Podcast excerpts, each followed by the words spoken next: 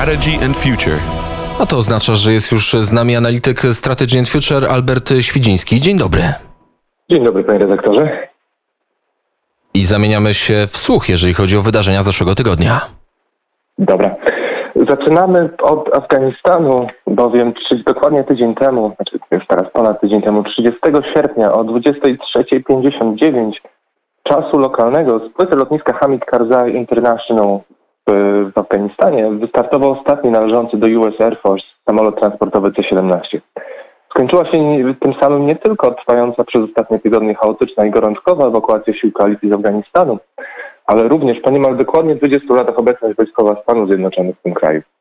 Zanim jednak ostatni amerykański żołnierz opuścił cmentarzysko imperiów, zadość stało się niedawnym słowom Joe Bidena, który obiecywał zemstę na e, bojownikach ISIS-K za przeprowadzony nieco ponad tydzień temu atak samobójczy na lotnisko w Kabulu.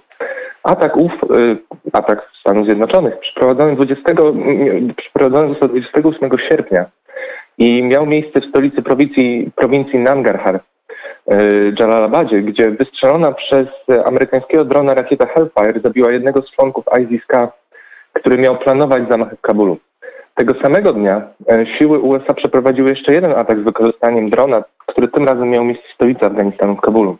I to właśnie na tej operacji skupiła się uwaga światowych mediów, bowiem w wyniku uderzenia wyprzedzającego na mających po raz kolejny zaatakować lotnisko w Kabulu zamachowców zginęli nie tylko oni sami, ale również co najmniej 10 postronnych osób, w tym również kilkoro dzieci. Zdaniem Pentagonu do tragedii doszło, ponieważ w momencie uderzenia rakiety w samochód terrorystów Doszło do eksplozji przewożonych w nim materiałów wybuchowych, co z kolei spowodowało śmierć osób postronnych. Warto też wspomnieć o opublikowanych stenogramach y, rozmowy pomiędzy Joe Bidenem a niegdysiejszym już prezydentem Afganistanu Ashrafem Ghanim. Rozmowa telefoniczna, o której jako pierwszy poinformował Reuters, miała miejsce 23 lipca. W jej trakcie Biden apelował do Ganiego o zwołanie konferencji prasowej z udziałem chociażby byłego prezydenta Afganistanu Hamida Karzaja, podczas której miałby on przedstawić światu plan prowadzenia dalszych operacji przeciwko talibom. E, przy czym, jak dobitnie zaznaczył Biden, to, czy wizja ta jest prawdziwa i czy, mówiąc kolokwialnie, trzyma się na kupy, jest nieistotne. Najważniejsza, dowodził 46. prezydent USA, jest bowiem percepcja. I tu cytat z Bidena stwierdził on, że nie musi tłumaczyć, że odbiór obecnej sytuacji zarówno w świecie, jak i w Afganistanie jest taki, że sprawy nie idą we właściwym kierunku dla tamtejszego rządu. I niezależnie od tego, czy jest to prawda, czy nie, zachodzi potrzeba zmiany tej percepcji. Dodajmy, że w odpowiedzi na słowa Bidena były prezydent Afganistanu ostrzegł, że władze Kabulu stoją w obliczu pełnoskalowej inwazji z pełnym wsparciem planistycznym i logistycznym Pakistanu oraz co najmniej 10 czy też nawet 15 tysiącami międzynarodowych terrorystów pochodzących najczęściej z Pakistanu. Ghani apelował również do Bidena o zintensyfikowanie nalotów na siły talibów, w tym w postaci CAS, czyli Closer Support, bezpośredniego wsparcia lotniczego. W odpowiedzi na ten apel Biden miał z kolei stwierdzić, że bezpośrednie wsparcie działa tylko wtedy, gdy jest to wspierać. A więc jeżeli istnieje spójna strategia prowadzenia działań wojennych na lądzie.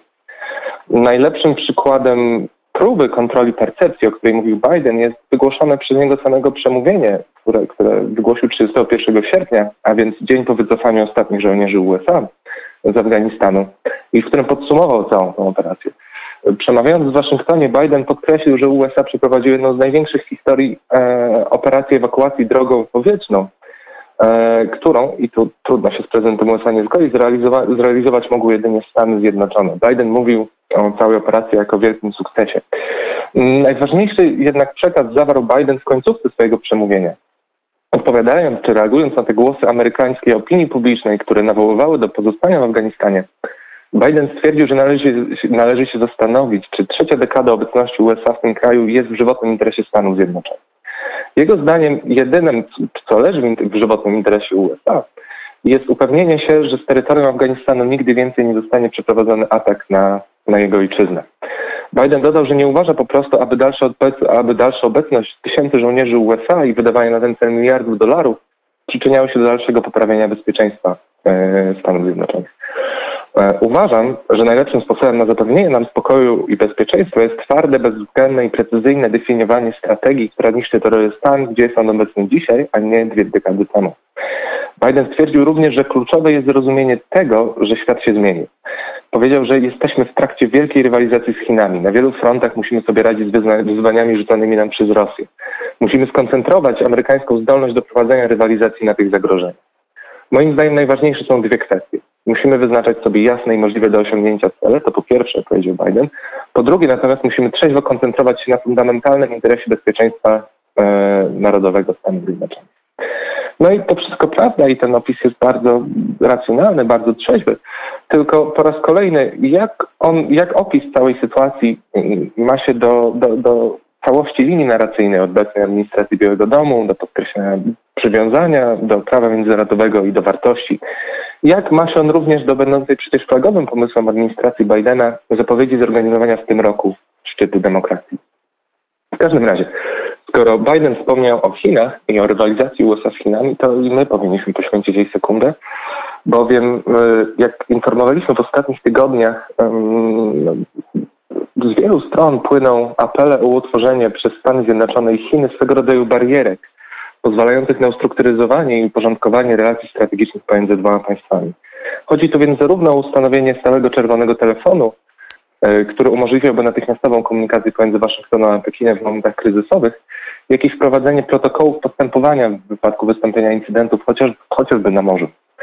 Jednocześnie i o tym również informowaliśmy wielokrotnie na Strategy and Future, podejmowane przez Pentagon próby nawiązania kontaktów na wysokim szczeblu, e, podejmowane przez Stany Zjednoczone próby nawiązania kontaktów na wysokim szczeblu były odrzucane przez Chińczyków.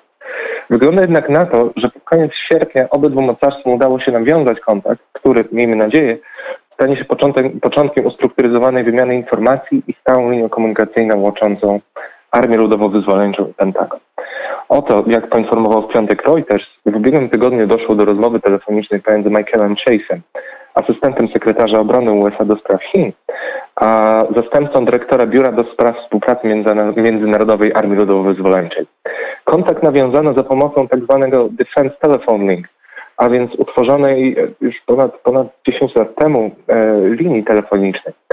Faktów jest o tyle ważne, że do rozmowy nie doszło ad hoc, ale w ramach specjalnie utworzonego w tym celu mechanizmu, to po raz kolejny daje, chociaż naszym zdaniem niestety stosunkowo niewielką, nadzieję na ujęcie coraz mocniej eskalującej rywalizacji Chin i Stanów w ustrukturyzowane i formalne ramy. Jak informuje South China Morning Post, tematem rozmów miała być zarówno sytuacja w Afganistanie, jak i sposoby na zarządzanie ryzykiem wystąpienia przypadkowego konfliktu pomiędzy obydwoma państwami. Byłoby oczywiście dobrze, gdyby obu stronom faktycznie udało się wypracować chociażby zręby kodeksu postępowania w sytuacjach kryzysowych na spornych terenach. Nie ma bowiem wątpliwości, że w sytuacji takich w najbliższych latach nie zabraknie. Ostatnio zadbali o to sami Chińczycy, wprowadzając nowe prawo nakazujące obcym jednostkom wpływającym na wody terytorialne Chin lub też uznawane przez Pekin za, wody, za swoje wody terytorialne, e, informowania, informowania Chińczyków o trasie i ładunku e, danego okrętu. Obowiązujące od ostatniej środy prawo ma dotyczyć okrętów podwodnych, jednostek o napędzie jądrowym, jednostek przewożących materiały radioaktywne, ropę naftową, chemikalia, gaz skroplony oraz inne szkodliwe lub toksyczne substancje oraz y, tych okrętów, które mogą zagrażać bezpieczeństwu ruchu morskiego. Załogi tych właśnie okrętów zobowiązane będą do poinformowania, poinformowania Chińczyków o szczegółach ładunku, trasie, numerze telefonu satelitarnego i tym podobnych. Jeżeli natomiast załogi tego nie uczynią, będą musiały dwie godziny informować Chiny o bieżącej pozycji okrętu. I co równie interesujące, Chińczycy zamierzają również, choć autor tych słów nie jest pewny, czy obligatoryjnie, czy w każdym wypadku, zobowiązać jednostki przepływające przez wody uznawane przez Pekin za terytorialne do brania na pokład chińskich pilotów.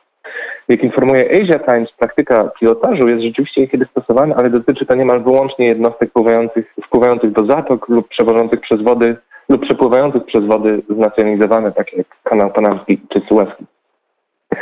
I tu oczywiście pojawia się problem. Chińczycy bowiem nie zdecydowali się na doprecyzowanie tego, gdzie konkretnie ma, ma owo prawo obowiązywać.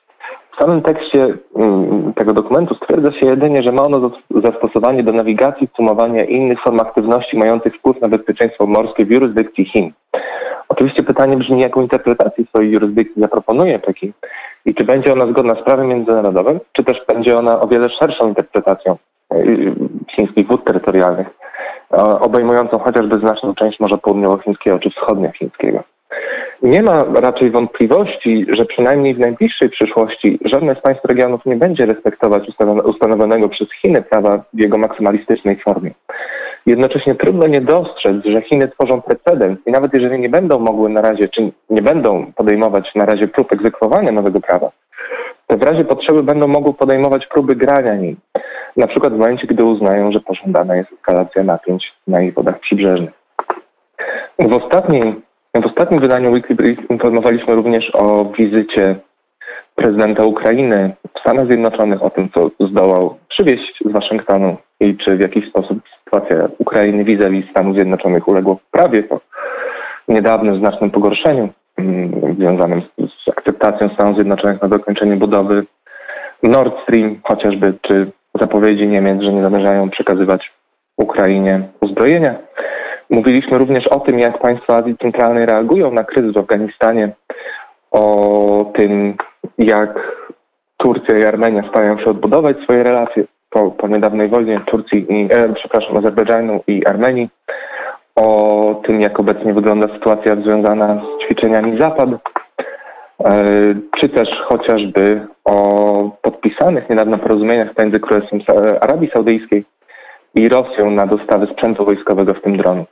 Natomiast jeżeli chcieliby Państwo dowiedzieć się więcej o tym wszystkim, zachęcam do lektury Weekly Brief na naszej stronie internetowej, czyli na strategyandfuture.org. Dziękuję bardzo.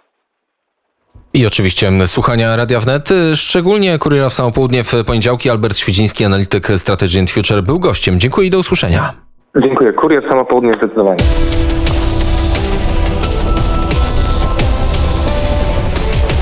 Strategy and Future